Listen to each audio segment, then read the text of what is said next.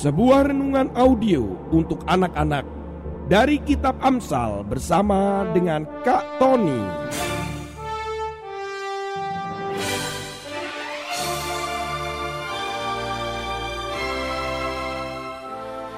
Audio inspiring message for kids. Selamat menikmati dan mendengarkan.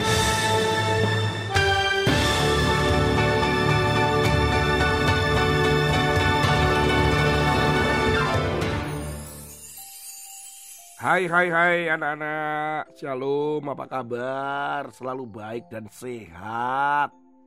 Selalu kabarnya sukacita. Dan saat ini Kak Tony akan menceritakan sebuah kisah menarik sekali. Ketika ada sebuah operasi Operasi yang mengoperasi kaki yang patah. Karena ada kaki yang patah dioperasi di sebuah klinik Ternyata ketika operasi sedang berlangsung atau ketika akan dioperasi kaki yang patah itu, tiba-tiba di pintu klinik itu ada yang mengetuk-ngetuk anak-anak. Tetok, tetok, tetok, tetok, tetok. Wah, kemudian para perawat juga melihat siapa yang mengetuk-ngetuk. Nah, ternyata dia adalah pasangan daripada yang akan dioperasi ini. Dan saat itu sedang mau operasi. Karena pasangan ini selalu mengetuk-ngetuk pintu terus. Akhirnya pihak klinik memberikan kesempatan si pasangan itu hanya melihat dari jendela saja. Ada jendela kaca, kemudian diminta untuk melihat. Supaya yang dioperasi juga lebih tenang begitu. Nah, akhirnya operasi selesai dan mereka ternyata adalah pasangan. Sebetulnya mereka ini siapa sih? Karena kejadian ini ada di Massachusetts, Amerika Serikat. Tahu nggak kalian? Namanya Arnold dan Amelia. Siapa mereka? Ternyata mereka itu adalah pasangan angsa. ada pasangan angsa. Mereka berdua ini, dua ekor angsa ini ternyata sehari-hari itu ada di kolam.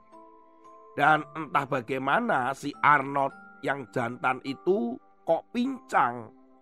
Jalannya pincang dan sulit. Ketika dilihat ternyata memang kakinya patah.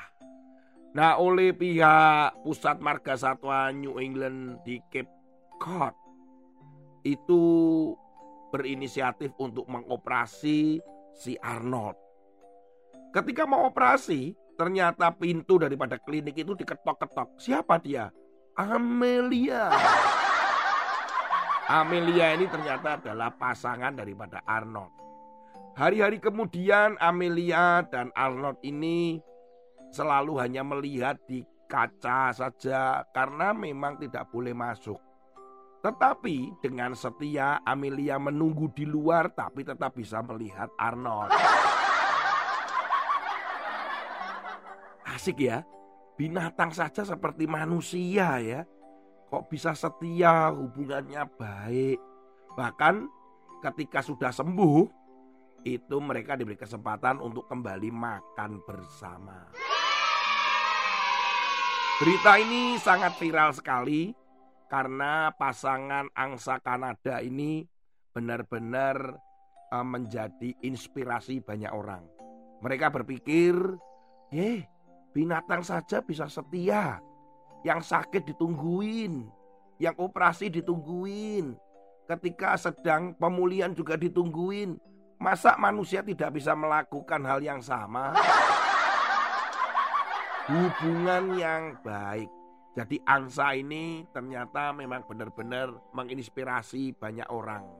Anak-anak, kita akan masuk membaca firman Tuhan yang terambil di dalam Amsal pasal yang ke-15 ayat yang ke-29.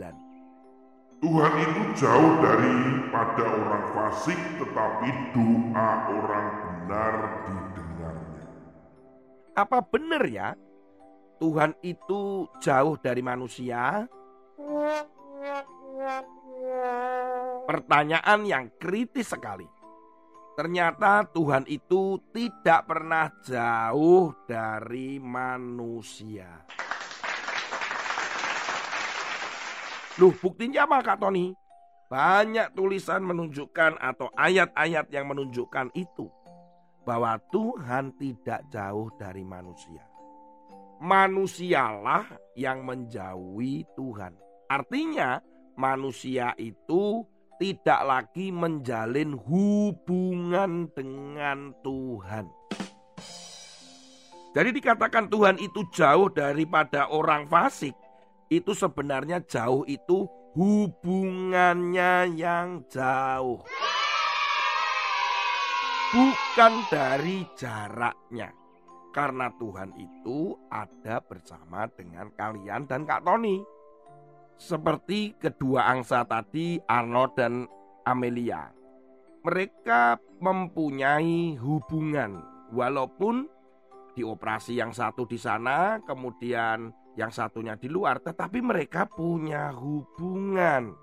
Yang dimaksudkan jauh itu adalah hubungan kita dengan Tuhan. Jadi kita ini harus ingat bahwa Tuhan memang tidak pernah menjauhi kita. Mengapa demikian Kak Tony? Karena kita adalah ciptaan yang dikasihinya. Dia sangat sangat sangat sangat sangat sangat mengasihi kita. Sampai-sampai dia sendiri, Tuhan sendiri yaitu Yesus sampai mengorbankan dirinya untuk kamu dan aku. Jadi memang tidak lihat siapa kamu, bagaimana kamu, dia memang sangat mencintai kamu dan aku kita semua. Nah, itulah yang membuktikan bahwa dia tidak pernah jauh. Kita ini yang hubungannya dengan Tuhan itu yang jauh. Dengan doa, ya, dengan ibadah, baca firman Tuhan, apakah kita masih melakukan hal itu? Nah, kalau kita sudah tidak melakukan hal itu, berarti kita ini jauh Bahkan yang kedua, Kak Tony mau sampaikan bahwa dikatakan begini, tetapi doa orang benar didengarnya. Wih, mantap. Kita ini selalu salah, kita sering berbuat salah, kita ini berdosa. Kita berusaha untuk benar, betul.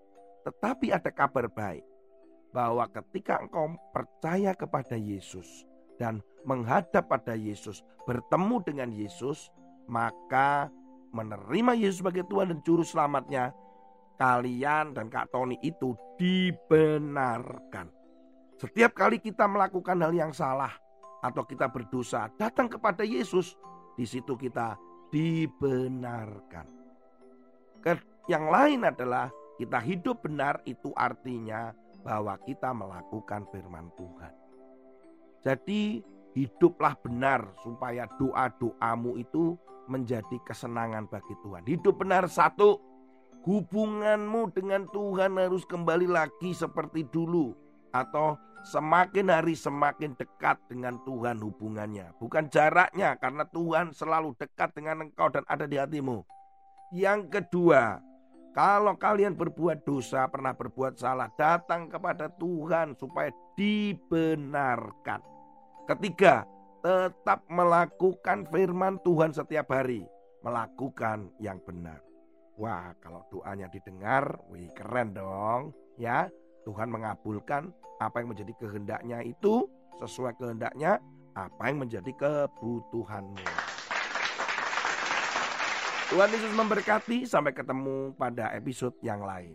Haleluya.